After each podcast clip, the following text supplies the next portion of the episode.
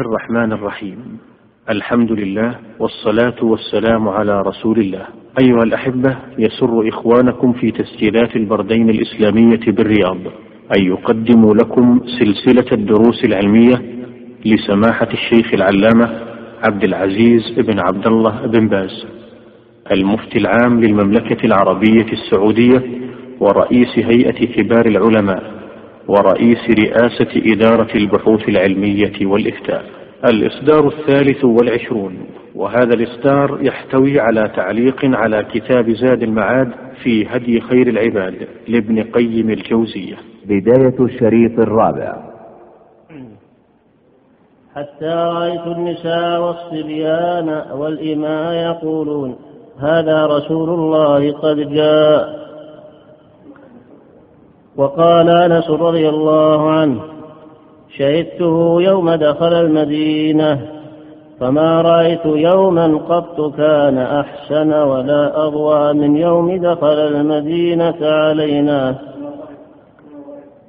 فما رأيت يوما قط كان أحسن ولا أضوى من يوم دخل المدينة علينا. وشهدته يوم مات فما رأيت يوما قط كان أقبح ولا أظلم من يوم مات.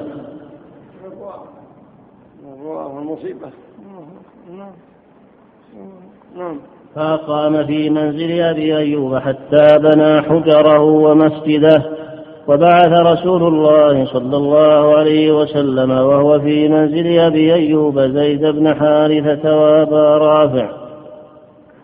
رضي الله عنهما وأعطاهما بعيرين وخمسمائة درهم إلى مكة فقدم عليه بفاطمة وأم كلثوم ابنتيه رضي الله عنهما وسودة بنت زمعة زوجته رضي الله عنها وأسامة بن زيد رضي الله عنه وأمه أم أيمن رضي الله عنها. وأما زينب بنت رسول الله صلى الله عليه وسلم فلم يمكنها زوجها أبو العاص بن الربيع من الخروج وخرج عبد الله بن أبي بكر معهم بعيال أبي بكر ومنهم عائشة رضي الله عنها فنزلوا في بيت حارثة بن النعمان رضي الله عنه. فصل في بناء المسجد.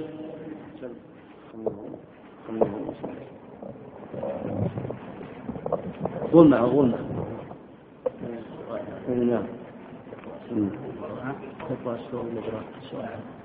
ظلمة ظلمة فيها مسلم من شدة الضعف والمصيبة يوم مات عليه الصلاة والسلام. خوفا مما يقع بعد الموت. اللهم صل على نعم. ظلمة. صلى الله عليه في سائل يسأل يقول يوجد في مقر دراسي مسجد أو مصلى ووضع في هذا المسجد مكان لبعض الأشرطة الدينية وبجانب تلك الأشرطة صندوق توضع فيه النقود لمن أراد أن يأخذ شريطا مع العلم أن الشريط لا يتاجر فيه وإنما بنفس رأس ماله الذي اشتري به. ثم تجمع تلك النقود ويشترى بها أشرطة أخرى وتوضع بنفس الكيفية فهل مثل هذا العمل جائز أو لا؟ يوجد في مقر دراسي مسجد أو مصلى ووضع في هذا المسجد مكان لبعض الأشرطة الدينية وبجانب تلك الأشرطة الصندوق توضع فيه النقود لمن أراد أن يأخذ شريطا. مع العلم أن الشريط لا يتاجر فيه وإنما بنفس رأس ماله. الذي اشتري به ثم تجمع تلك النقود ويشترى بها أشرطة أخرى وتوضع بنفس الكيفية. فهل مثل هذا العمل جائز أو لا؟ ما نعلم ما نعلم فيه ما نعلم فيه بأسا لكن إذا كان مصلى مو مسجد أما إذا كان مسجد ما يجوز وضع في المسجد. لأنها بيع بيع بالتخلية وعدم المشاحة. لكن إذا كان مصلى وهو مسجد أو في محل أو في غرفة أو في محل مأمون ما فيه ضاعة مال. لا بأس. أما إذا كان فيه ضاعة مال ولا يؤمن فلا ينبغي. لأن الرسول نهى عن ضاعة المال. أما إذا كان محل محل مضبوط يأخذ الإنسان حاجته ويذهب ما ما حصل فيه يعني تلاعب فلا بأس. ولكن كونهم يحتاطون يكون عند إنسان مضبوط أولى أولى من إضاعة المال. والاشتراط الصدوق تكون عند إنسان مضبوط يأخذ ويعطي هذا أولى. لأن هذا قد يعرضه للخطر والتلاعب. نعم. نعم.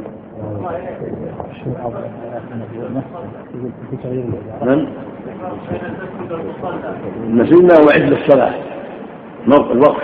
معاد المسجد. أما المصلى قد يكون حجرة قد يكون مكتب يصلون فيه. وهم مسجد. قال الإمام ابن القيم رحمه الله تعالى فصل في بناء المسجد. قال الزهري بركة ناقة النبي صلى الله عليه وسلم موضع مسجده وهو يومئذ يصلي فيه رجال من المسلمين. وكان مربدا لسهل وسهيل غلامين يتيمين من الأنصار كانا في حجر أسعد بن زرارة. فساوم رسول الله صلى الله عليه وسلم الغلامين بالمربد ليتخذه مسجدا. فقالا بل نابه لك يا رسول الله. فأبى رسول الله صلى الله عليه وسلم فابتاعه منهما بعشرة دنانير. وكان جدارا ليس له سقف وقبلته إلى بيت المقدس وكان يصلي فيه. المعروف أن قال صلى الله عليه وسلم حاملوني حائطكم فقالوا لا نطلب ثمنه إلا من الله. ولم يبيعوه عليه بل تبرعوا به وسمحوا به ولم يتبرعوا بذلك. إيش كان ماشي على هذا؟ معروف هذا معروف في أخبار السيرة لما نزل ب... لما بركت الناقة وصار من بدل لبعض الأنصار. طلب منهم صلى الله أن يبيعه عليه اعتذروا. نعم. نعم وكان جدارا. لكن العجب من سكوت المؤلف. نعم. وكان نعم. وهو ضمن الصحيحين أو في احدهما نعم. نعم. مر وكان يصلي فيه ويجمع أسعد بن زرارة قبل مقدم رسول الله صلى الله عليه وسلم. وكان فيه شجرة غرقد وخرب ونخل وقبور, وقبور للمشركين. وكان فيه شجرة غرقد وخر شجرة أحسن الله إلى شجر؟ من غير الله. وخرب ونخل وقبور للمشركين. فأمر رسول الله صلى الله عليه وسلم بالقبور فنبشت وبالخرب فسويت وبالنخل والشجر فقطعت وصفت في قبلة المسجد. وجعل طوله مما يلي القبلة إلى مؤخره مئة ذراع. وجعل طوله مما يلي القبلة إلى مؤخره مئة ذراع. والجانبين مثل ذلك أو دونه وجعل أساس والجانبين مثل ذلك أو دونه معلش وجعل أساسه قريبا من ثلاثة أذرع ثم بنوه باللبن. وجعل رسول قريبا من ثلاثة أذرع. ثم بنوه باللبن. وجعل رسول الله صلى الله عليه وسلم يبني معهم وينقل اللبن والحجارة بنفسه. ويقول اللهم لا عيش إلا عيش الآخرة فاغفر للأنصار والمهاجرة. وكان يقول هذا الحمال لا حمال خيبر. هذا أبر ربنا وأطهر. على هذا حاشية. أخرجه ابن سعد في الطبقات وأخرجه بنحوه البخاري في المناقب. باب هجرة النبي صلى الله عليه وسلم وأصحابه إلى المدينة. وأخرجه ومسلم من حديث أنس بن مالك رضي الله عنه. انتهى. ضرورة إذا دعا ضرورة لا بأس. تنقل من آخر كما فعل معاوية في قبور الزرقاء وما إذا كان بمجرد الحاجة يسد عنها عمل آخر لأن الأصل أنها محترمة. فلا تنقل إلا لمصلحة مهمة يعني ضرورة. أو أو مصلحة الميت لمصلحة الميت نفسه. وفعل جابر لما كان والده على حافة الوادي خاف عليه أن ينهد به جانب الوادي ونقله بعد ستة أشهر من وقعة أحد. نعم. لا ما لها مدة معينة. تبقى. إلا للضرورة.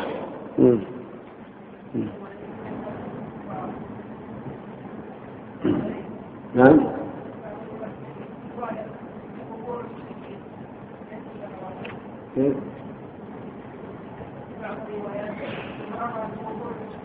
هي قبور المشركين. قبور هنا قبور المشركين. هذه تنبش إذا دعت الحاجة إليها تنبش يعني لأن مكانها بيوت أو مسجد أو غير ذلك لا بأس. لا حرمة لها. نعم. وجعلوا يرتجزون وهم ينقلون وهم ينقلون اللبن ويقول بعضهم في رجزه لئن قعدنا والرسول يعمل لذاك منا العمل المضلل وجعل قبلته إلى بيت المقدس وجعل له ثلاثة أبواب بابا في مؤخره وبابا يقال له باب الرحمة والباب الذي يدخل منه رسول الله صلى الله عليه وسلم. وجعل عمده الجذوع وسقفه وسقفه بالجديد وقيل له ولا تسقفه فقال لا عريش كعريش موسى وبنى إلى جنبه بيوت أزواجه باللبن. معلش. وسقفها بالجديد والجذوع. فلما فرغ من البناء بنى بعائشة رضي الله عنها. في البيت الذي بناه لها شرقي المسجد شرقي المسجد قبلية وهو مكان حجرته اليوم وجعل لسودة بن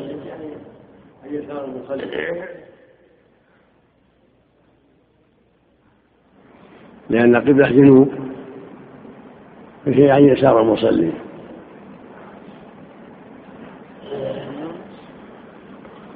شرق الشرق عن يسار المصلي بيت عائشة.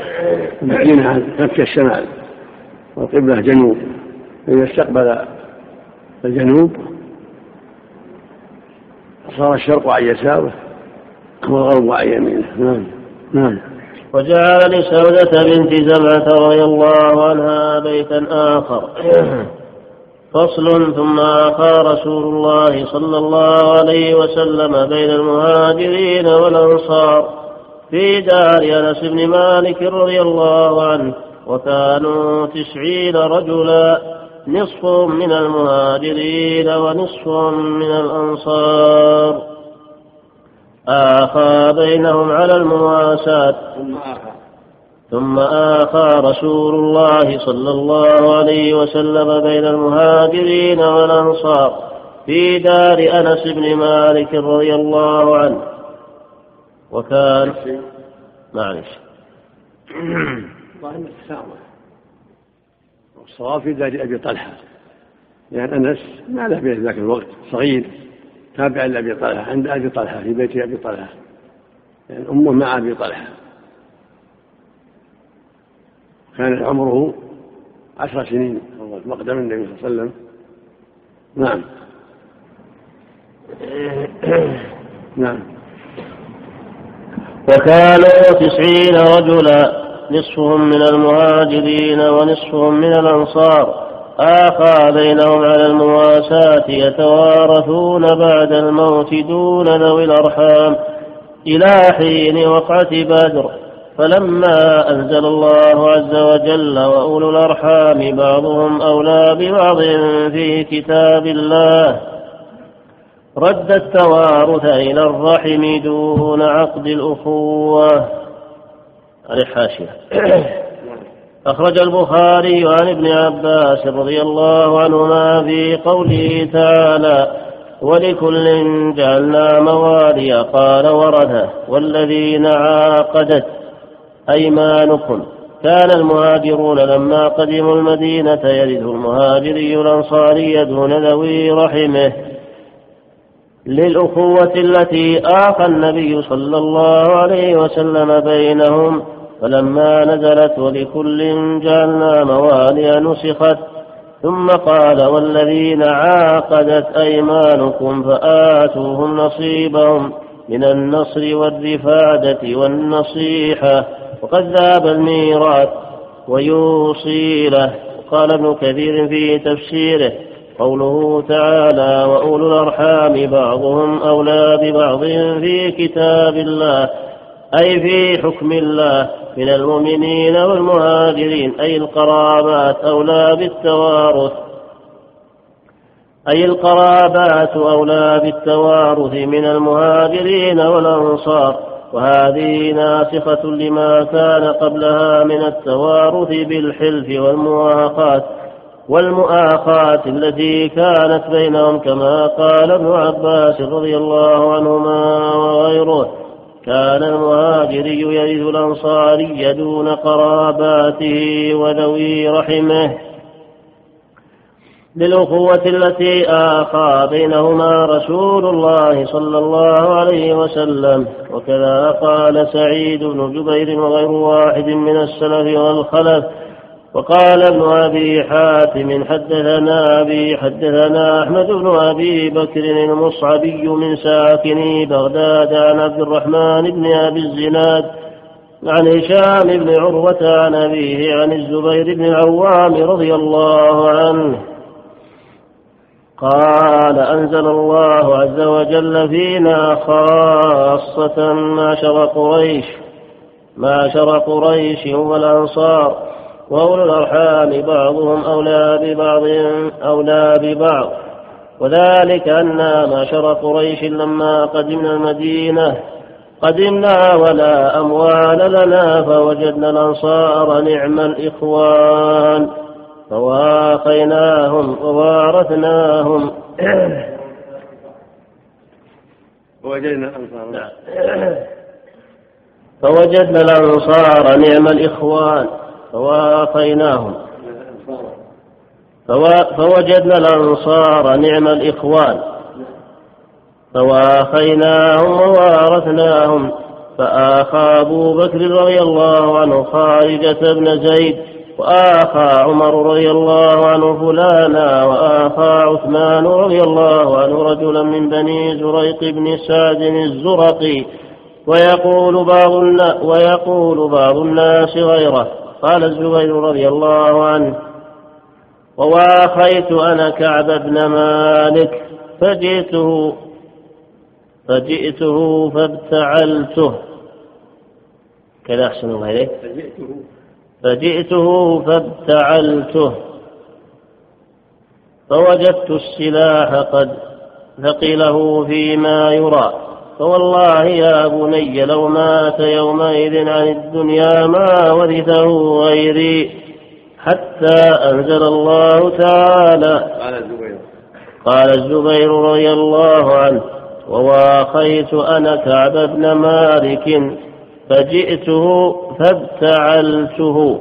نعم نعم. فوجدت السلاح قد ثقله فيما فوجدت السلاح. قد ثقله ثقله أو ثقله. فيما يرى أو يرى هو. فوالله يا بني لو مات يومئذ عن الدنيا ما ورثه غيري حتى أنزل الله تعالى هذه الآية فينا معشر قريش والأنصار. أحسن الله إن شاء الله يراجع الأصل. إن شاء الله. هذه الحاشية. نعم. هذا في الحاشية. حاشية؟ نعم. ولو هذا من تفسير كثير أحسن الله إليك.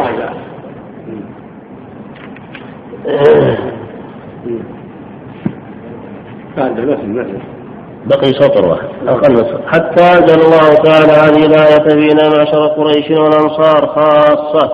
فرجعنا إلى مواريثنا. انتهى. وقد قيل إنه آخى بين المهاجرين بعضهم مع بعض مؤاخاة ثانية واتخذ فيها عليا أخا لنفسه والثبت الأول. أحسن الله إليك في طبعة الشيخ حامد والثابت الأول.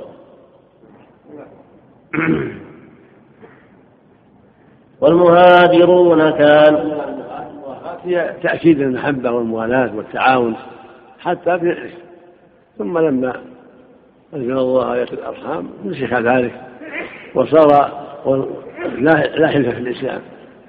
وما كان في الإسلام وما كان في جهة من حلف لم يكن في الإسلام إلا شدة. وبقي بينهم موالاة الإيمان وموالاة الإسلام. نعم. نعم. نعم نعم. منها وترثني وارث المعروف إن بين أنصار المهاجرين فقط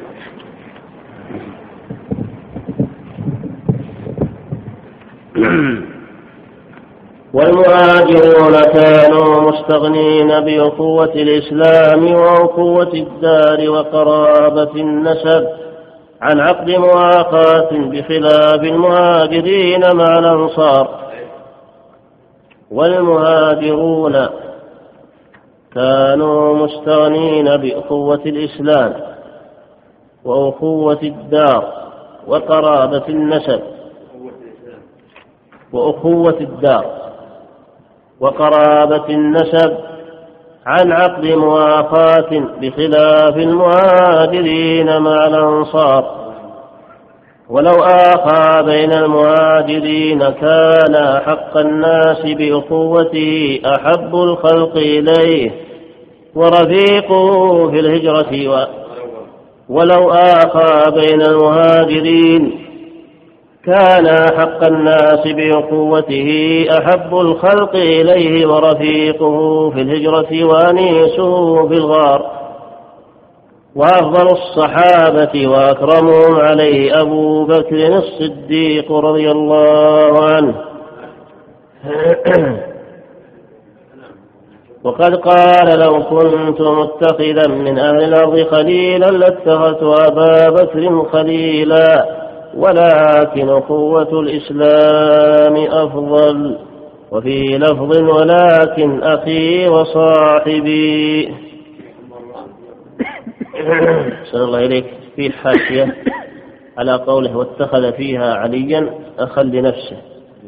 الأحاديث الواردة في مؤاخاة النبي صلى الله عليه وسلم عليا كلها ضعيفة. والحديث الذي أخرجه الترمذي وفيه أنه صلى الله عليه وسلم قال لعلي رضي الله عنه أنت أخي في الدنيا والآخرة في سنده جميع بن عمير اتهمه ابن حبان بالوضع وقال ابن نمير كان من أكذب الناس. هذه أخوة الإسلام. حتى لو ثبت أخي في الإسلام هو أخوه في الإسلام. أخوه نسبا وإسلاما. هكذا بقية المهاجرين الأخوة الإسلامية ثابتة للجميع. والمواساة معنى زائد. الذي نسخ معنى زائد أما الأخوة الأخوة الإسلامية هذه باقية للجميع بين المهاجرين والأنصار وغيرهم. نعم. وهذه الأخوة بالإسلام وإن كانت عامة كما قال وددت أن قد رأينا إخواننا. قالوا ولسنا إخوانك. قال أنتم أصحابي. وإخواني قوم يأتون من بعدي. يؤمنون بي ولم يروني فللصديق من هذه الأخوة على مراتبها كما له من الصحبة على مراتبها فالصحابة لهم الأخوة ومزية الصحبة ولأتباعه بعدهم الأخوة دون الصحبة. فصل ووادع رسول الله صلى الله عليه وسلم من بالمدينة من اليهود. الإسلام في أخوة الجار وأخوة الدار وأخوة الدم. ما يكفي الإشارة بأخوة الإسلام فقط؟ قوة الإسلام كافية لكن قوة النسب معروفة. قوة النسب قرابة النسب معروفة. فيذهب الإسلام لكن قال الإمام ابن القيم رحمه الله تعالى فصل. ووادع رسول الله صلى الله عليه وسلم. في قول السحر إلى الناس تبين التخييل أن يخيل من سحرهم أنها تسعى في طه. هنا قال سحروا أعين الناس. فلما ألقوا سحروا أعين الناس. لأن في ما حقيقة أنه سحروا أعين الناس. واسترهبوهم يخافوهم. وجاءوا بسحر عظيم تخيل الناس يرون حيات تقلب في الأرض. حيات تقلب هذا اللي رأى ولهذا استرهبوا الناس. محاشر. هربوا نعم. نعم. ووادع رسول الله صلى الله عليه وسلم من بالمدينة من اليهود وكتب بينه وبينهم كتابا وبادر حبرهم وعالمهم عبد الله بن سلام رضي الله عنه فدخل في الإسلام وأبى عامتهم إلا الكفر. هذه هذه حالهم اليهود قوم بهت قوم عناد أمة كبيرة في المدينة ما منهم إلا عبد الله بن سلام. ومع هذا رموه بالعظائم وكذبوه قالوا شرنا وابن شرنا. ثم بعد ذلك نوادر الذين أسلموا من اليهود نوادر من كعب الأحبار جماعة قليلين. والآن في عصرنا ولا نسمع ولا واحد أسلم من اليهود. مع كثرة ما يسلم من النصارى في كل يوم في كل وقت. بالآلاف يسلم النصارى. أما اليهود أبدا نسأل الله. قوم حسد وبغي وعناد نسأل الله. نعم. نعم. وكانوا ثلاث قبائل بنو قينقاع وبنو النضير وبنو قريظة وحاربه الثلاثة فمن على بني قينقاع وأجلى بني النضير وقتل بني قريظة وسبى ذريتهم. من هذا موجود في السيرة. السيرة النبوية. نعم. بني قينقاع شبع فيهم عبد الله بن أبي تركهم وبني النضير أجلاهم لما هموا بقتله عليه الصلاة والسلام وبني قريظة ساعدوا القريش يوم الأحزاب ونقضوا العهد فلما فرغ المسلمون من من الأحزاب وأذلهم الله ورجعوا خاشعين إلى بلادهم حاصر النبي صلى الله عليه وسلم قريظة وحكم فيهم سعد بن معاذ فحكم بقتل مقاتلتهم وسب ذريتهم ونسائهم. فألقى الله في قلوبهم الرعب ونزلوا على حكم سعد. فقتل المقاتلة وسبت الذرية والنساء. نسأل الله أراح الله الناس من اليهود. نعم. اللهم ونزلت سورة الحشر في بني النضير وسورة الأحزاب في بني قريظة. فصل. وكان يصلي إلى قبلة بيت المقدس ويحب أن يصرف إلى الكعبة. وقال لجبريل عليه السلام وددت أن يصرف الله وجهي عن قبلة اليهود. فقال إنما أنا عبد فادع ربك واسأله وقال لجبريل عليه السلام وددت أن يصرف الله وجهي عن قبلة اليهود. فقال إنما أنا عبد فادع ربك واسأله. فجعل يقلب وجهه في السماء يرجو ذلك حتى أنزل الله عليه. قد نرى تقلب وجهك في السماء فلنولينك قبلة ترضاها فول وجهك شطر المسجد الحرام. وذلك بعد ستة عشر شهرا من مقدمه المدينة قبل وقعة بدر بشهرين. حاشية. أخرجه ابن سعد في الطبقات من طريق الواقدي عن إبراهيم بن إسماعيل بن أبي حبيبة عن داود بن حسين عن كلمة عن ابن عباس رضي الله عنهما وأخرج البخاري من حديث البراء رضي الله عنه أن النبي صلى الله عليه وسلم صلى نحو بيت, بيت المقدس ستة عشر شهرا أو سبعة عشر شهرا وكان رسول الله صلى الله عليه وسلم يحب أن يوجه إلى الكعبة فأنزل الله عز وجل قد نرى تقلب وجهك في السماء فتوجه نحو الكعبة وقال السفهاء من الناس وهم اليهود ما ولاهم عن قبلتهم التي كانوا عليها. قل لله المشرق والمغرب يهدي من يشاء إلى صراط مستقيم. فصلى مع النبي صلى الله عليه وسلم رجل ثم خرج بعدما صلى. فمر على قوم من الأنصار في صلاة العصر وهم ركوع نحو بيت المقدس فقال هو يشهد أنه صلى مع رسول الله صلى الله عليه وسلم وأنه توجه نحو الكعبة فتحرف القوم حتى توجهوا نحو الكعبة وأخرجه الترمذي. معنى أنها صرفت إلى الكعبة في رجب أو شعبان من السنة الثانية. بعد ستة عشر شهرا أو سبعة عشر شهرا. نعم الله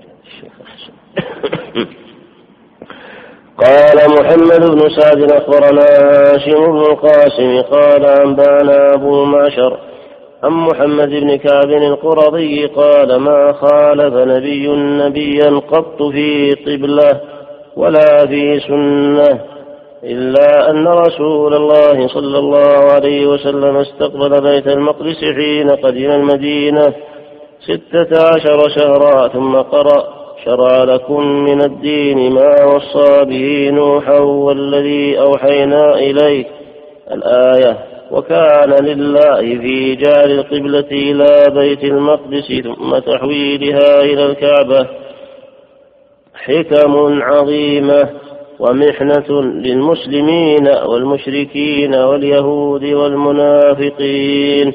فأما المسلمون فقالوا سمعنا وأطعنا وقالوا آمنا به كل من عند ربنا.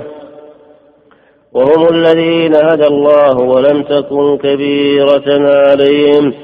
وأما المشركون وهم الذين هدى الله ولم تكن كبيرة عليهم. كانت كبيرة إلا أن هدى الله. الله سمعوا وأطاعوا ولم تكن عن نعم وأما المشركون فقالوا كما رجع إلى قبلتنا يوشك أن يرجع إلى ديننا وما رجع إليها إلا أنه الحق. وأما اليهود فقالوا خالف قبلة الأنبياء قبله ولو كان نبيا لكان يصلي إلى قبلة الأنبياء وأما المنافقون فقالوا ما يدري محمد أين يتوجه ما يدري محمد أين يتوجه مذبذب يعني وهذا لله به الحكم اختلاف الناس فيه الحكمة العظيمة. يضيف من يشاء ويهدي من يشاء سبحانه وتعالى. المؤمنون تطمئن قلوبهم لأمر الله ويرضون بما شرعه الله ولا يكون عندهم ريب ولا شك بل هم سامعون مطيعون. والمنافقون أهل عناد وتلبيس على المسلمين فلهذا يشككون الناس. واليهود قوم جهد وقوم حسد وعناد. وإن عرفوا الحق نسأل الله وهم يجحدونه.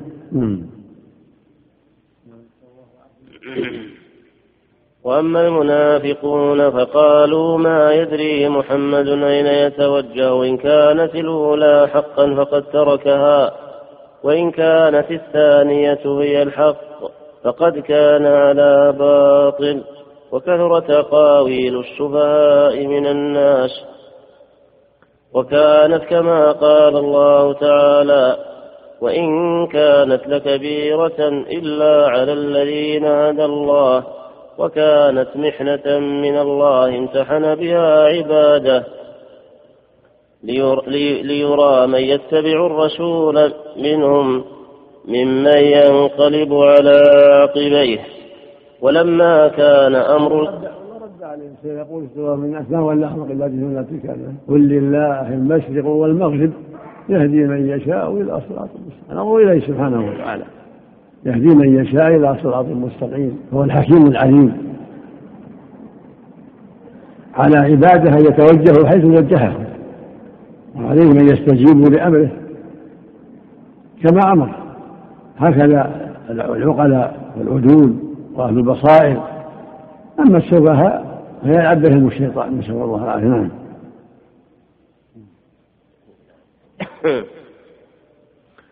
ولما كان أمر القبلة وشأنها عظيما وطى سبحانه قبلها أمر النسخ وقدرته عليه وأنه يأتي بخير من المنسوخ أو مثله.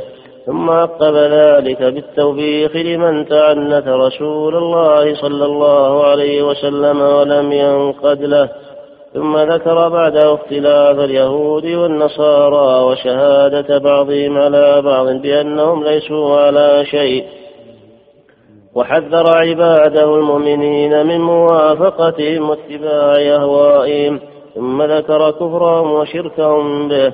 وقولهم إن له ولدا سبحانه وتعالى عما يقولون علوا. ثم أخبر ما في شك كبيرة ما في ثم أخبر أن له المشرق والمغرب وأينما يولي عباد وأينما يولي عباده وجوههم فثم وجهه وهو الواسع العليم. فلعظمته وسعته وإحاطته أينما يوجه العبد فثم وجه الله. ثم أخبر أنه لا يسأل رسوله عن أصحاب الجحيم الذين لا يتابعونه ولا يصدقونه. ما علمه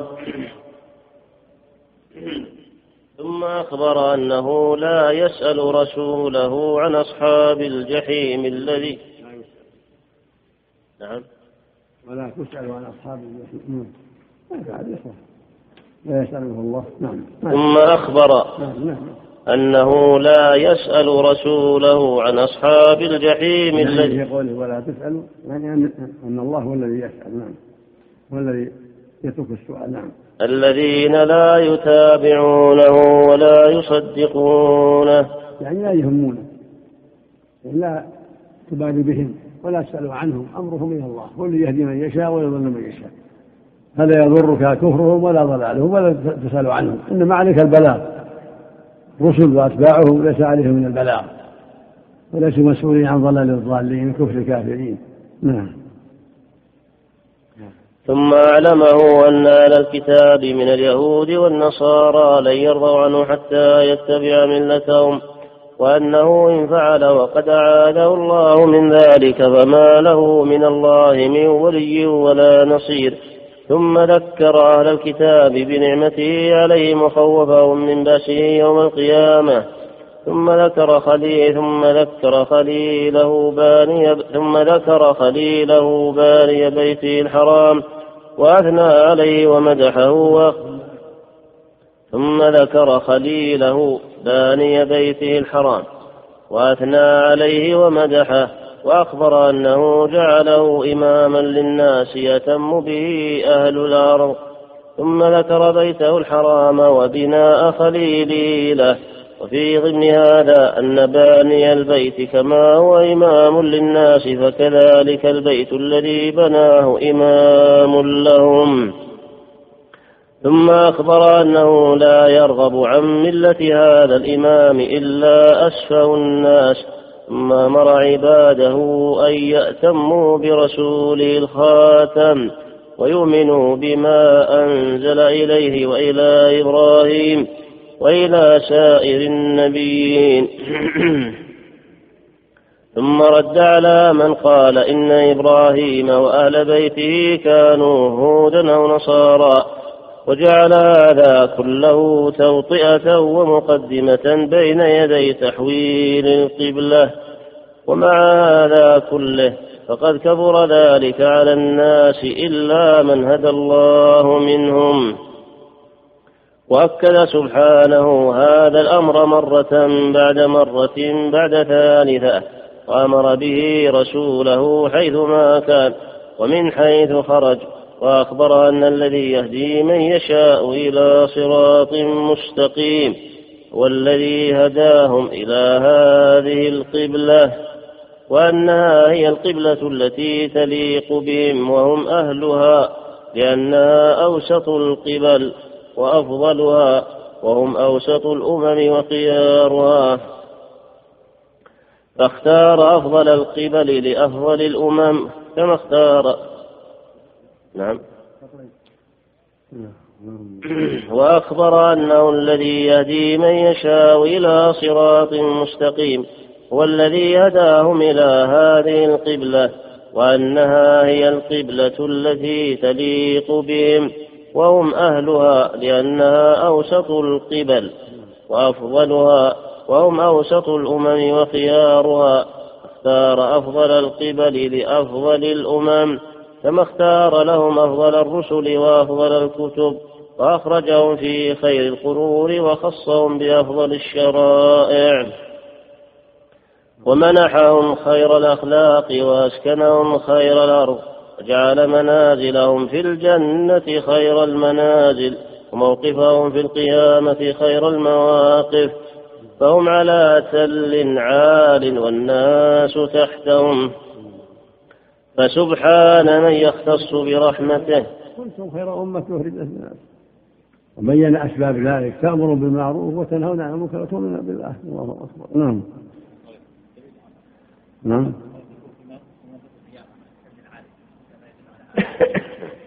نعم. الحديث انكم انهم على تل يوم القيامة. فرق في الحديث. نعم. نعم.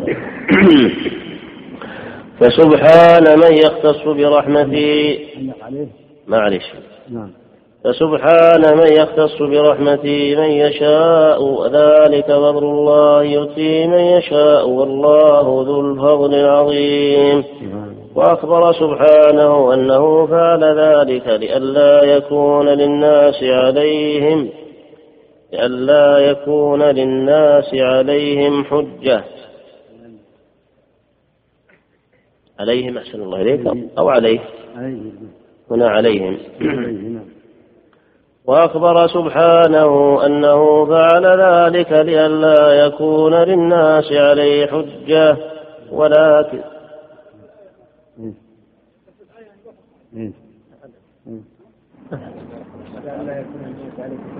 الذين ظلموا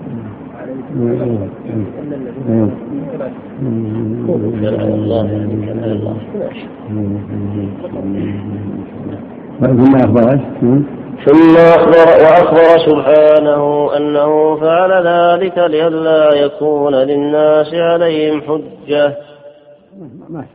ولكن الظالمون الباغون يحتجون عليهم بتلك الحجج التي ذكرت ولا يعارض الملحدون الرسل إلا بها وبأمثالها من الحجج الداحرة.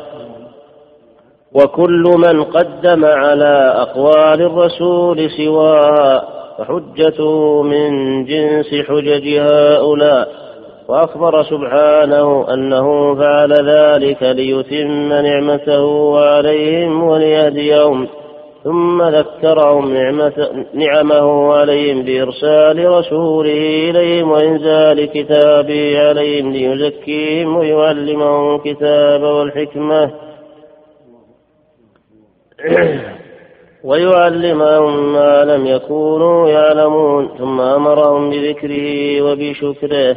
إذ بهذين الأمرين يستوجبون إتمام نعمه والمزيد من كرامته ويستجلبون ذكره لهم ومحبته لهم ثم أمرهم بما لا يتم لهم ذلك إلا بالاستعانة به وهو الصبر والصلاة وأخبرهم أنه مع الصابرين.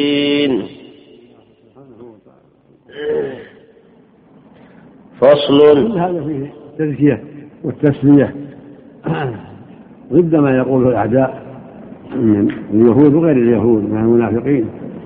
إذا عرف المسلمون الحكم والأسرار والتوجيهات الربانية سهل عليهم الرد على أعداء الله والتخلص من شرهم. نعم. الله المستعان الله الله إليك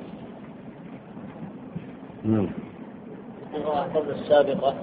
انتهى الوجه الأول. فضلا اقلب الشريط لمتابعة ما تبقى على الوجه الثاني. والتخلص من شرهم. نعم. الله المستعان الله الله إليك نعم. السابقة في وأصبح كما قال أبو قيس صدمة الأنصاري. نعم. في قراءة في القراءة قبل السابقة. وأصبح كما قال أبو قيس صدمة الأنصاري في نسخة قيس ابن صدمة رجعت الإصابة أحسن الله إليك. يقول الحافظ قيس بن صدمة وقيل صدمة بن قيس. وقيل قيس بن مالك أبو صدمة وقيل قيس بن أنس أبو صدمة وفرق ابن حبان بين قيس بن مالك وقيس بن صدمة فقال في كل منهما له صحبة. قد تقدم في صدمة بن قيس في حرف الصاد المهملة. في موضع آخر.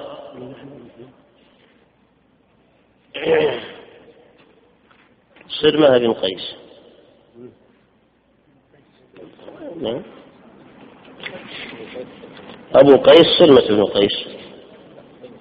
كما قال أبو قيس سلمة الأنصاري. قال في موضع آخر أحسن الله إليك.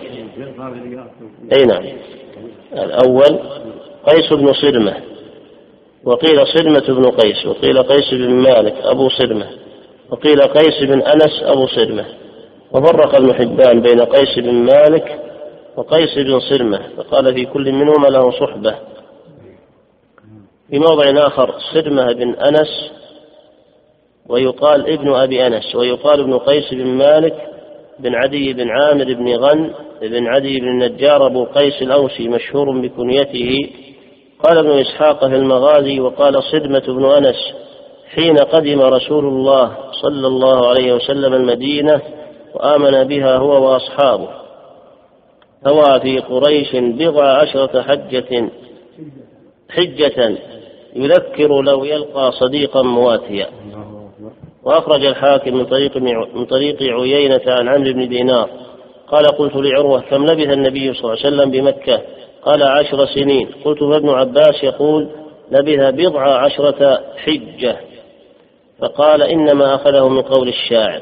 قال ابن عيينة سمعت عجوزا من الأنصار تقول رأيت ابن عباس يختلف إلى صدمة ابن قيس يتعلم منه هذه الأبيات. قال ابن إسحاق وحدثني م... نعم. نعم. قال الإمام ابن القيم رحمه الله تعالى فصل وأتم نعمته عليهم مع القبلة بأن شرع لهم الأذان في اليوم والليلة خمس مرات. وزادهم في الظهر والعصر والعشاء ركعتين أخريين بعد أن كانت ثنائية فكل هذا كان بعد مقدمه المدينة. فصل فلما استقر رسول الله صلى الله عليه وسلم بالمدينة وأيده الله بنصره بعباده المؤمنين الأنصار وألف بين قلوبهم بعد العداوة والإحن التي كانت بينهم فمنعته أنصار الله وكتيبة الإسلام من الأسود والأحمر وبذلوا نفوسهم دونه وقدموا محبته على محبة الآباء والأبناء والأزواج. وكان أولى بهم من أنفسهم. رمتهم العرب واليهود عن قوس واحدة وشمروا لهم عن ساق عن ساق العداوة والمحاربة. وصاحوا بهم من كل جانب والله سبحانه يأمرهم بالصبر والعفو والصفح حتى قويت الشوكة واشتد الجناح. فأذن لهم حينئذ في القتال ولم يفرضه عليهم. فقال تعالى أذن للذين يقاتلون بأنهم ظلموا. وإن الله على نصرهم لقدير. وقد قالت طائفة إن هذا الإذن كان بمكة والسورة مكية وهذا غلط لوجوه. أحد؟ وقد قالت طائفة إن هذا الإذن كان بمكة والسورة مكية. وهذا غلط لوجوه أحدها أن الله لم يعلم بمكة لهم في القتال ولا كان لهم شوكة يتمكنون بها من القتال بمكة. الثاني أن سياق الآية يدل على أن الإذن بعد الهجرة وبعد الهجرة وإخراجهم من ديارهم فإنه قال الذين أخرجوا من ديارهم بغير حق إلا أن يقولوا ربنا الله وهؤلاء هم المهاجرون الثالث قوله تعالى هذان خصمان اختصموا في ربهم نزلت في الذين تبارزوا يوم بدر من الفريقين.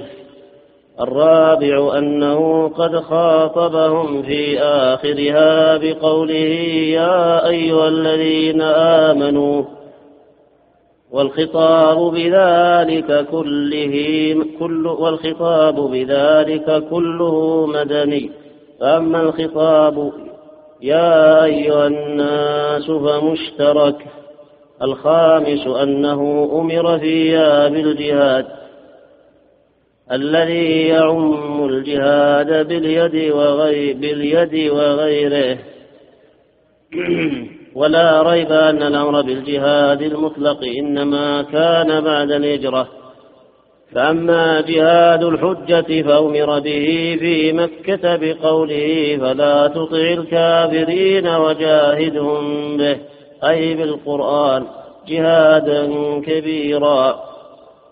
فهذه سورة مكية والجهاد فيها هو التبليغ وجهاد الحجة. وأما الجهاد المأمور به في سورة الحج فيدخل فيه الجهاد بالسيف. والمقصود أن هذه الآية واضحة. واضحة في أن أن هذا وقع في المدينة. وإن لهم القتال لما صار له شوكة وصار له جماعة.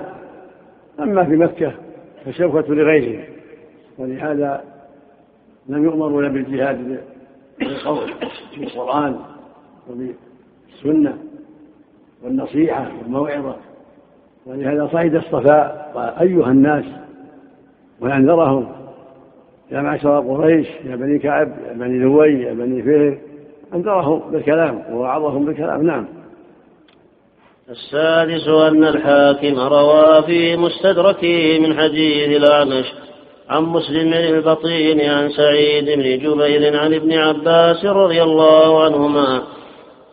قال لما خرج رسول الله صلى الله عليه وسلم من مكة قال أبو بكر رضي الله عنه أخرجوا نبيهم إنا لله وإنا إليه راجعون. ليهلكون فأنزل الله عز وجل. أذن للذين يقاتلون. أذن للذين يقاتلون بأنهم ظلموا. وهي أول آية نزلت في القتال. وإسناده على شرط الصحيحين. وسياق السورة يدل على أن فيها المكي والمدني فإن قصة إلقاء الشيطان في أمنية الرسول مكية. والله أعلم. فصل ثم فرض عليهم القتال بعد ذلك لمن قاتلهم دون من لم يقاتلهم. فقال وقاتلوا في سبيل الله الذين يقاتلونكم. ثم فرض عليهم قتال المشركين كافة وكان محرما وكان محرما ثم مأذونا به ثم مأمورا به لمن بدأهم بالقتال ثم مأمورا به لجميع المشركين. إما فرض عين على أحد القولين أو فرض كفاية على المشهور.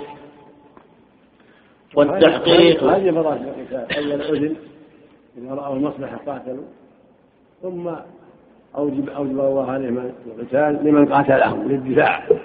فإن قاتلوكم فقاتلوهم من باب الدفاع فإن اعتزلوكم ولم يقاتلوكم. وألقوا إليكم السلام ثم جعل الله لكم عليهم سبيلا. ثم أمروا بقتال مطلقا من قاتله ومن بدأهم. وقوله لا إكراه في الدين هذه في الحال الأولى. والثانية أما في الحالة الثالثة فيها الإكراه يؤمرون بالقتال ويكرهون عليه إن أبوا قوتلوا إلا أن يكونوا من أهل الجزية فإنهم يؤدونه كما قال تعالى قاتلوا لا يؤمنون بالله ولا باليوم الآخر ولا يحرم ما حرم الله ورسوله ولا يدون الحق من الذين أوتوا الكتاب حتى يعطوا الجزية عن يد وهم صاغرون. وسن في المجوس مثل ما سن في اليهود. أخذ الجزية.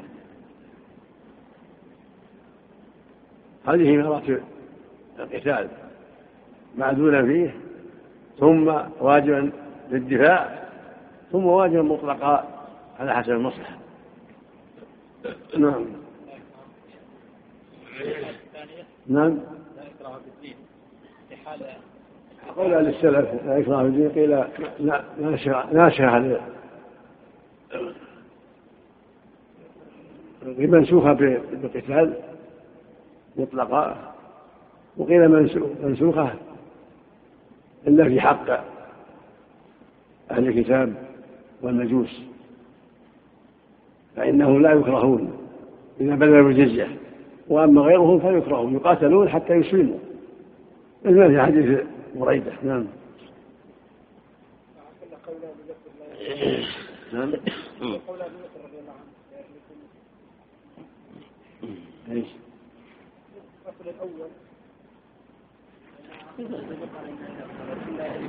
نعم.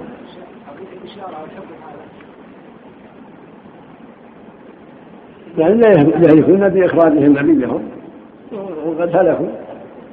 إن من هداه الله للإسلام. لأنهم جمعوا بين التكذيب إيذاء النبي وإخراجه المسلمين مع التكذيب والإنكار. هذا هلاك ظاهر هلاك في الدنيا وهلاك في الآخرة نسأل الله العافية. نعم. إلا من أسلم. والتحقيق أن جنس الجهاد فرض عين إما بالقلب وإما باللسان وإما بالمال وإما باليد. فعلى كل مسلم أن يجاهد بنوع من هذه الأنواع. أما أما الجهاد بالنفس ففرض كفاية. وأما الجهاد بالمال ففي وجوبه قولان والصحيح وجوبه لأن الأمر بالجهاد به وبالنفس في القرآن سواء. كما قال تعالى انفروا خفافا وثقالا وجاهدوا بأموالكم وأنفسكم في سبيل الله ذلكم خير لكم إن كنتم تعلمون. وعلق النجاة من النار به ومغفرة الذنب ودخول الجنة. فقال يا أيها الذين آمنوا هل أدلكم على تجارة تنجيكم من عذاب أليم؟ تؤمنون بالله ورسوله وتجاهدون في سبيل الله بأموالكم وأنفسكم ذلكم خير لكم إن كنتم تعلمون. يغفر لكم ذنوبكم ويدخلكم جنات تجري من تحتها الأنهار ومساكن طيبة في جنات عدن. ذلك الفوز العظيم. وأخبر أنهم إن فعلوا ذلك أعطاهم ما يحبون من النصر والفتح القريب. فقال وأخرى تحبونها أي ولكم خصلة أخرى تحبونها في الجهاد وهي نصر من الله وفتح قريب. وأخبر سبحانه أنه اشترى من المؤمنين أنفسهم وأموالهم بأن لهم الجنة. وأعاظهم عليه وأعاظهم عليها الجنة وأن هذا العقد والوعد قد أودعه أفضل كتبه المنزلة من السماء وهي التوراة والإنجيل والقرآن. ثم أكد ذلك بإعلامهم أنه لا أحد أوفى بعهده منه تبارك وتعالى. ثم أكد ذلك بأن أمرهم بأن يستبشروا ببيعهم الذي عاقدوه عليه ثم أعلمهم أن ذلك هو الفوز العظيم. فليتأمل العاقد. الجهاد بالنفس والمال واللسان لازم. لكن تارة يكون فرض كفاية وتارة يكون فرض عين على حسب الأحوال. ولهذا في الحديث الصحيح جاهدوا المشركين بأموالكم وأنفسكم وألسنتكم الجهاد باللسان دعوة إلى الله وإرشاد إليه والحريض للمؤمنين على القتال مع الصبر وبالمال. الحاجة إليه عظيمة ولهذا بدأ الله به بغالب الآيات لأن الحاجة إليه في إعداد السلاح وفي الإنفاق على المجاهدين. وفي غير ذلك مما يستعان به في الجهاد. ثم النفس الجهاد بها أيضا لأنها هي التي تحمل السلاح وهي التي تقاتل. ولكنه مع هذا سبحانه وتعالى أدلهم في المصالحة إذا رأوا ذلك. وإن جنحوا للسلم فاجنح لها وتوكل على الله إنه هو السميع العليم. وأمر بأخذ الجزية من اليهود والنصارى والمجوس إذا بذلوها والتزموا الصغار. كل هذا من الفتح والتيسير على المسلمين. ثم الجهاد باللسان أمر مستمر بين المسلمين وبين الكافرين وفيما بين المسلمين لأن الحاجة ماسة إلى الجهاد باللسان بالدعوة توجيه. وغير المعروف والنهي المنكر بين المسلمين ومع عدوهم أيضا. نعم. نعم. فرض كفاية إلا بعد الحاجة إليه. عند انتقاء الصفين عند الاستنفار عند هجوم العدو. نعم. نعم. المال والنفس واللسان. في ثلاث مواضع عند الاستنفار وعند هجوم العدو عند وبين الصفين. وبالمال في أوقات أخرى غير غير هذا الثلاث بالمال لمساعدة المجاهدين من لم يجاهد بنفسه جاهد بماله. ومن استطاع بنفسه جاهد بنفسه وماله. كما فعلوا يوم بدر ويوم أحد ويوم الأحزاب كذلك. نعم نعم. أحسن الله إليك. وهكذا يوم تبوك نعم. نعم. نعم فليتأمل العاقد مع ربه عقد هذا التبايع ما أعظم خطره وأجله. فإن الله عز وجل هو المشتري والثمن جنات النعيم والفوز برضاه والتمتع برؤيته هناك والذي جرى على يده هذا العقد أشرف رسله وأكرمهم عليه من الملائكة والبشر. وإن سلعة هذا شأنها لقد هيئت لأمر عظيم وخطب جسيم. قد هيئوك لأمر لو فطنت له فاربأ بنفسك أن ترعى مع الهمل. مهر المحبة والجنة بذل النفس والمال لمالكهما الذي اشتراهما من المؤمنين فما للجبان المعرض المفلس وسوم هذه السلعة بالله ما هزلت فيستامها المفلسون ولا كسدت فيبيعها بالنسيئة المعسرون لقد قيمت للعرض في سوق في سوق من يريد. فلم يرضى نعم. في سوق من يزيد نعم. هنا يريد أحسن الله إليك. لقد قيمت للعرض في سوق من يزيد. في سوق من يزيد نعم. يعني موسم. يعني موسم. من يرغب ويتقدم. لقد قيمت للعرض في سوق من يزيد فلم يرض ربوانها بثمن دون بذل النفوس. فتأخر البطالون وقام المحبون ينتظرون ينتظرون أيهم يصلح أن يكون نفسه الثمن. فدارت السلعة بينهم ووقعت في يد أذلة على المؤمنين عزة على الكافرين. لما كثر المدعون. واضح من قوله جل وعلا إن الله اشترى من المؤمنين أنفسهم وأموالهم بأن لهم جنة يقاتلون في سبيل الله فيقتلون ويقتلون. وعدا حقا في التوراة والإنجيل والقرآن. ومن أوفى بعهده من الله فاستبشروا بالعفو الذي به. وذلك الفوز العظيم. الله اشترى منهم نفوسهم وأموالهم. واحتمل الجنة. الواجب البزار والمسارعة إلى تسليم المثبت والنفس والمال. حتى يحصل الثمن والجنة. والله جل وعلا هو الصادق في وعده. وهذه الدار دار الامتحان والامتحان. دار الامتحان والابتلاء. والآخرة هي دار النعيم ودار الكرامة. فلا بد من تقديم الثمن. من طاعة الله جل وعلا والاستقامة على ما يحب ومن تقديم هذه النفوس والأموال في الجهاد في سبيل الله حتى يحصل لك المثمن وهو الجنة وما فيها من الكرامة. والمقصود أن الله جل وعلا جعل هذه الدار دار جهاد ودار عمل. وآخرة دار جزاء ودار ثواب.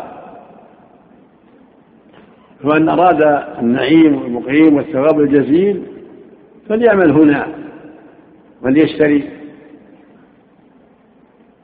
وليبذل نفسا ومالا ولسانا في طاعة الله وسبيل مرضاته.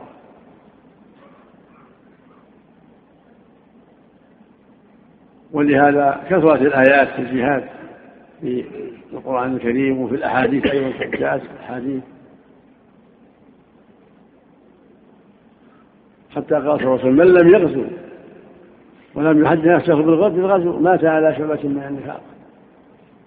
ولا جاهدوا المشركين بأموالكم وأنفسكم وألسنتكم.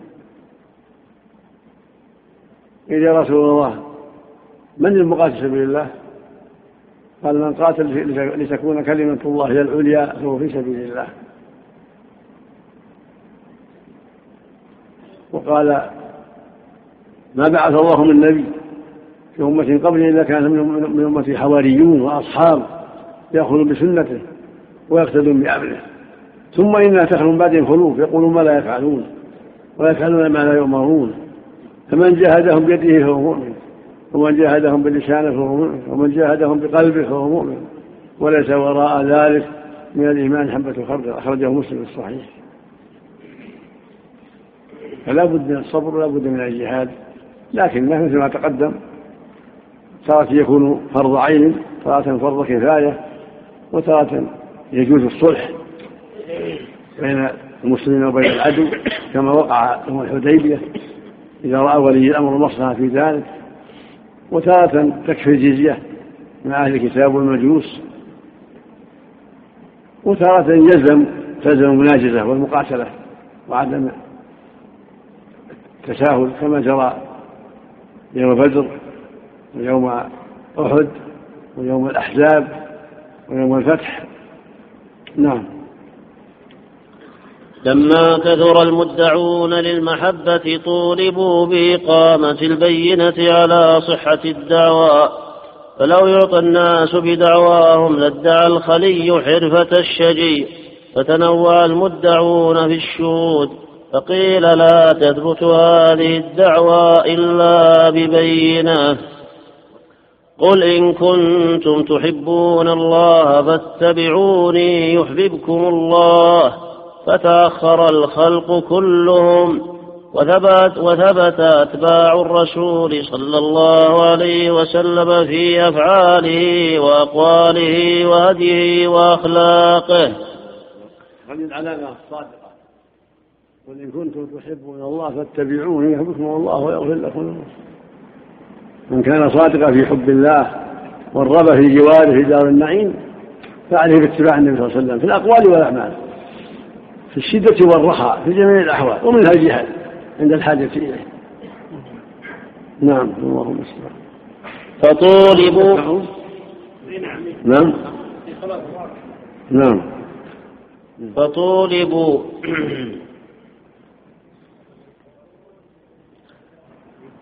فطولبوا بعدالة البينة وقيل لا تقبل العدالة إلا بتزكية يجاهدون في سبيل الله ولا يخافون لومة لائم فتأخر أكثر المدعين للمحبة وقام المجاهدون فقيل لهم إن نفوس المحبين وأموالهم ليست لهم فسلموا ما وقع عليه العقد فإن الله اشترى من المؤمنين أنفسهم وأموالهم بأن لهم الجنة.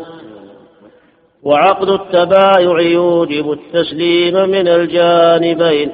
فلما رأى التجار عظمة المشتري وقدر الثمن وجلالة قدر من جرى عقد التبايع على يديه. ومقدار الكتاب الذي أثبت فيه هذا العقد.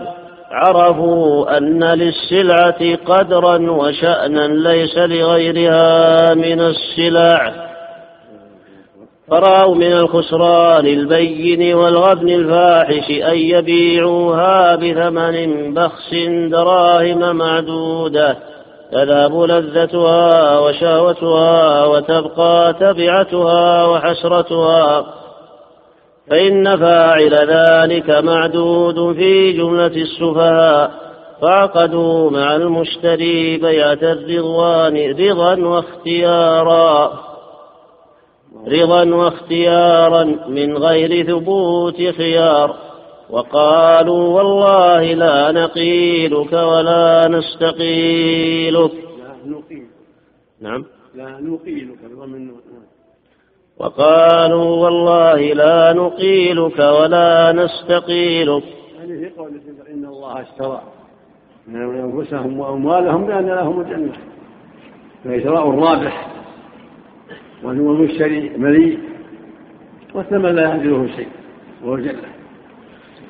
هذا هذا البيع بيع رابح. لا ينبغي ولا يجوز طلب الاستقالة. نعم. فلما تم العقد وسلموا المبيع قيل لهم قد صارت أنفسكم وأموالكم لنا والآن فقد رددناها عليكم أوفر ما كانت وأضعاف أموالكم وأضعاف أموالكم معها ولا تحسبن الذين قتلوا في سبيل الله أمواتا. بل أحياء عند ربهم يرزقون. لم نبتغ منكم نفوسكم وأموالكم طلبا للذبح عليكم بل ليظهر أثر الجود والكرم في قبول المعيب والإعطاء عليه أجل الأثمان. ثم جمعنا لكم بين الثمن والمثمن. تأمل قصة جابر بن عبد الله رضي الله عنهما وقد اشترى منه صلى الله عليه وسلم بعيره ثم وفاه الثمن وزاده ورد عليه البعير وكان أبوه قد قتل مع النبي صلى الله عليه وسلم في وقعة أحد فذكره بهذا الفعل حال أبيه مع الله. وأخبره أن الله أحياه وكلمه كفاحا. وقال يا عبدي تمن علي. حاشية. أخرجه الترمذي وابن ماجه من حديث جابر بن عبد الله رضي الله عنهما وسنده حسن. لأنه قتل يوم أحد عبد الله بن عمرو بن حرام قتل يوم أحد رضي الله عنه. فأخبر صلى الله عليه وسلم ابنه جابر أن الله كلمه كفاحا قال تمنى علي. فالمقصود أن الله جل وعلا يعطيهم نفوسهم التي هي الثمن ويعطيهم المهمن وهو الجنة يوم القيامة. فالثمن حصل والمثمن حصل ونفوسهم ردت إليهم وأحياهم الله وسلم لهم المثمن وهو الجنة وبقوا في نعيم دائم وخير دائم. لا يزول ولا ينتهي. نعم.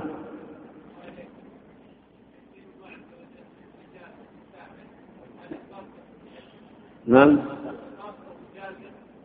هذا من الفضائل الخاصة من الفضائل الخاصة نعم.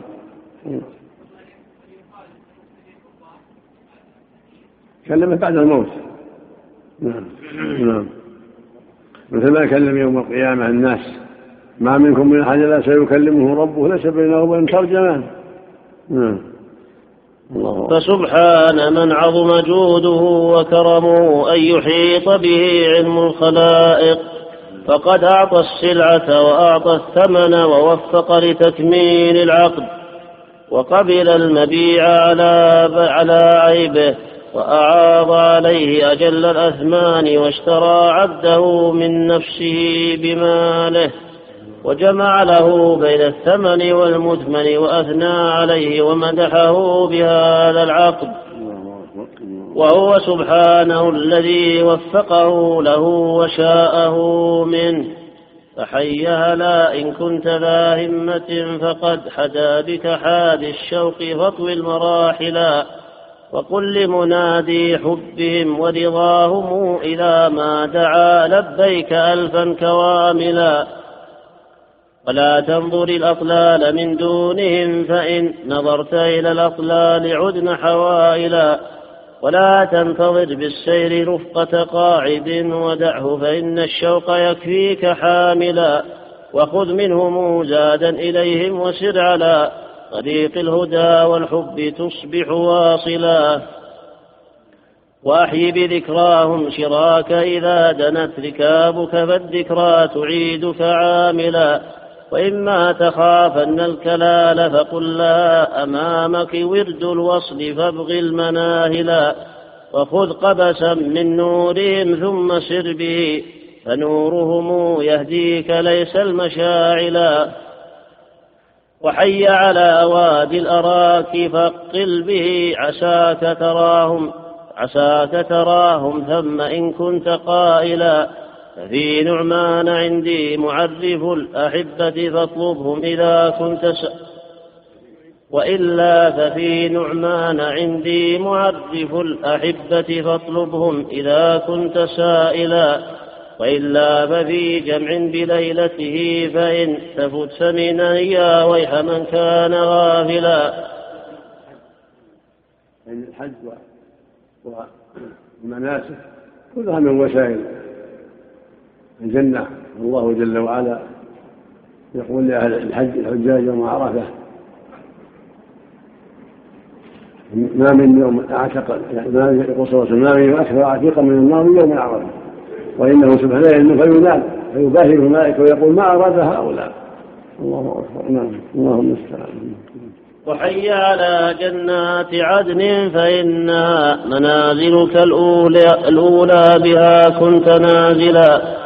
ولكن سباك الكاشحون لأجل ذا وقفت على الأطلال تبكي المنازلا وحي على يوم المزيد بجنة الخلود فجد بالنفس إن كنت باذلا فدعا رسوما دارسات فما بها مقيل وجاوزا فليست منازلا رسوما عفت ينتابها الخلق كم بها قتيل وكم فيها لذا الخلق قاتلا وخذ يمنة عنها على المنهج الذي عليه سرى وفد الأحبة آهلا وقل ساعدي يا نفس بالصبر ساعة فعند اللقاء لا الكد يصبح زائلا فما هي إلا ساعة ثم تنقضي ويصبح ذو الأحزان فرحان جاهلا.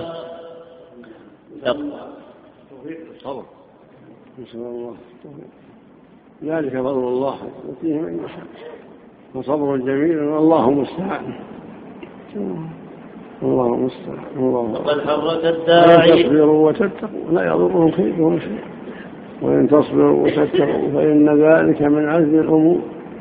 إنما يوفى الصابرون أجرهم بغير حساب. الله أكبر الله أكبر. نعم.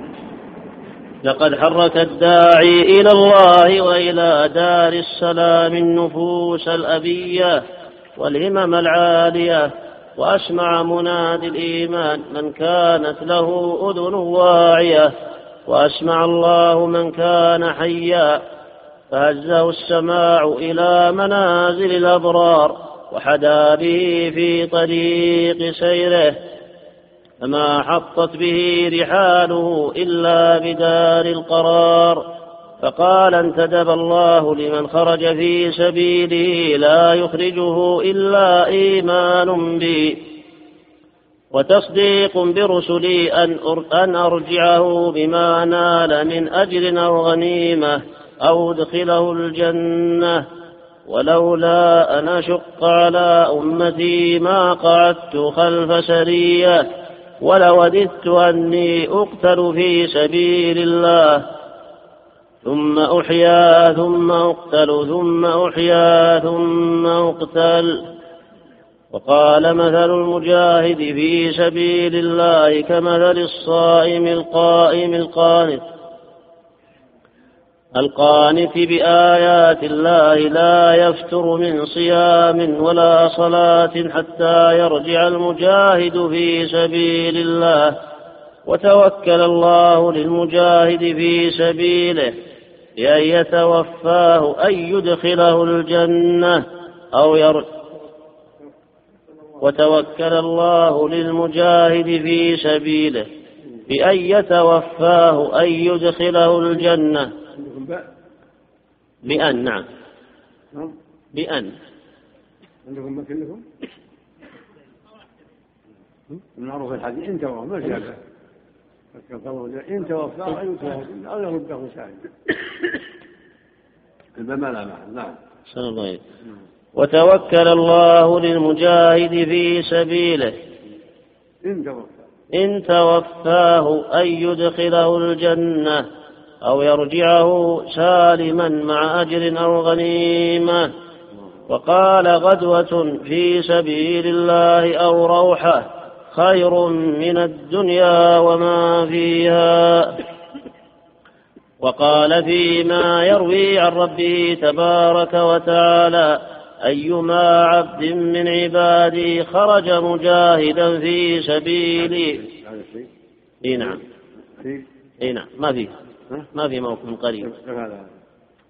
شفع قاموس النعمان النعمان طبق في الضم من النعمان ما في نعمان. نعم. عرف سم. قال الإمام ابن القيم رحمه الله تعالى وقال فيما يروي عن ربه تبارك وتعالى أيما عبد من عبادي خرج مجاهدا في سبيل ابتغاء مرضاتي. ونمت له أن أرجعه إن أرجعته بما أصاب من أجر أو غنيمة. وإن قبضته أن أغفر له وأرحمه وأدخله الجنة. وقال جاهدوا في سبيل الله فإن الجهاد في سبيل الله باب من أبواب الجنة. ينجي, ينجي الله به من الهم والغم. حاشية. أخرجه أخرجه أحمد من حديث عبادة بن الصامت رضي الله عنه وسنده حسن وصححه الحاكم ووافقه الذهبي. وأورده الهيثمي في المجمع وقال رواه أحمد والطبراني في الكبير والأوسط. وأحد أسانيد أحمد وغيره ثقات.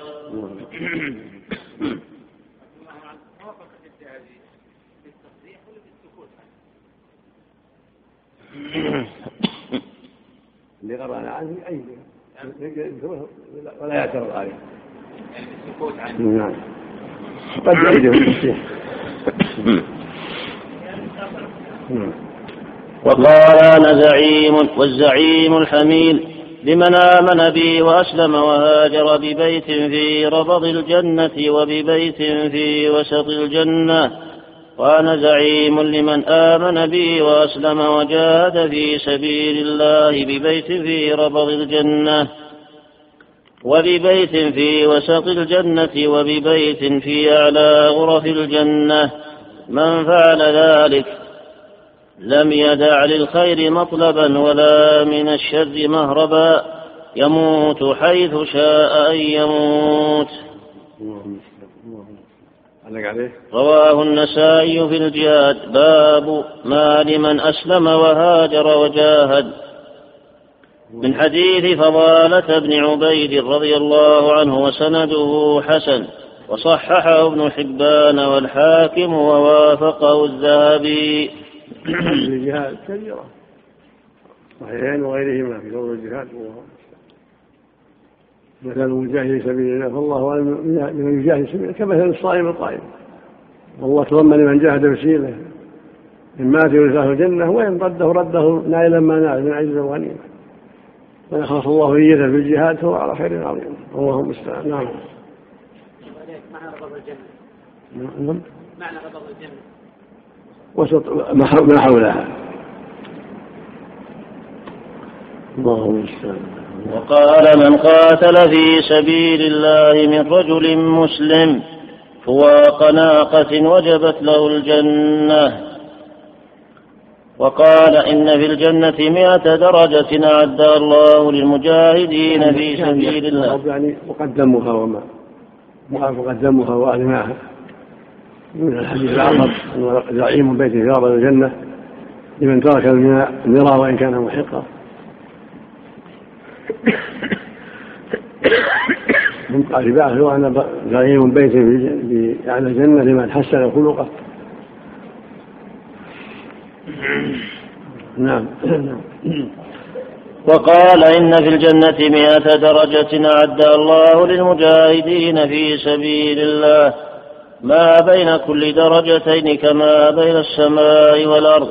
فإذا سألتم الله فسألوه الفردوس.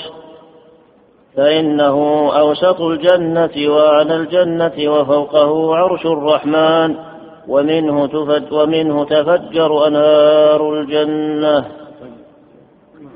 وقال لأبي سعيد رضي الله عنه من رضي بالله ربا وبالإسلام دينا وبمحمد رسولا وجبت له الجنة. فعجب لها أبو سعيد رضي الله عنه فقال أعدها علي يا رسول الله. ففعل ثم قال رسول الله صلى الله عليه وسلم وأخرى يرفع الله بها العبد مئة درجة مئة درجة في الجنة. ما بين كل درجتين كما بين السماء والأرض. قال وما هي يا رسول الله؟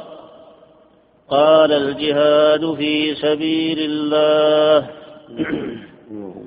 وقال من أنفق زوجين في سبيل الله دعاه خزنة الجنة كل خزنة باب. كل خزنة باب أي فل هلم فمن كان من أهل الصلاة دعي من باب الصلاة. ومن كان من أهل الجهاد دعي من باب الجهاد. ومن كان من أهل الصدقة دعي من باب الصدقة. ومن كان من أهل الصيام دعي من باب الريان. فقال أبو بكر رضي الله عنه بأبي أنت وأمي يا رسول الله. ما على من دعي من تلك الأبواب من ضرورة فهل يدعى أحد من تلك الأبواب كلها؟ قال نعم وأرجو أن تكون منهم. اللهم الله من هذا الحديث الصحيح رواه مسلم الصحيح من توضأ فأسبغ الوضوء أو قال فأبلغ الوضوء ثم قال أشهد أن لا إله وحده لا شريك له وأشهد أن محمدا عبده ورسوله. فتحت له أبواب الجنة. يدخل من أيها شاء من استقام على دين الله كل باب يناديه. بفضله وما أعطاه الله من الخير العظيم والاستقامة على الحق. لكن أهل الصلاة من باب الصلاة وأهل الزكاة من باب الزكاة وأهل الجهاد من باب الجهاد وأهل الصيام من باب الريان ويشارك ولهم مشاركة مع الآخرين. من استقام على دين الله يؤتى من الجميع. الله أكبر نعم. أعدها الله المجاهدين وحدهم.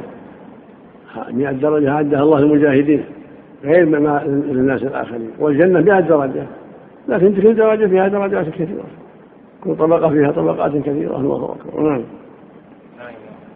وقال من أنفق نفقة فاضلة في سبيل الله فبسبعمائة ومن أنفق على نفسه وأهله وعاد مريضا أو أماط الأذى عن طريق فالحسنة بعشر أمثالها والصوم جنة ما لم يخرقها ومن ابتلاه الله في جسده فهو له حطة نهاية الشريط الرابع. لم تنتهي مادة هذا الشريط بعد.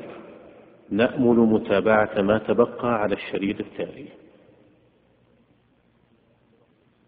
وسعدت بصحبتكم تسجيلات البردين الإسلامية. الرياض الدائر الجنوبي مخرج 24 شارع الترمذي. والسلام عليكم ورحمة الله وبركاته.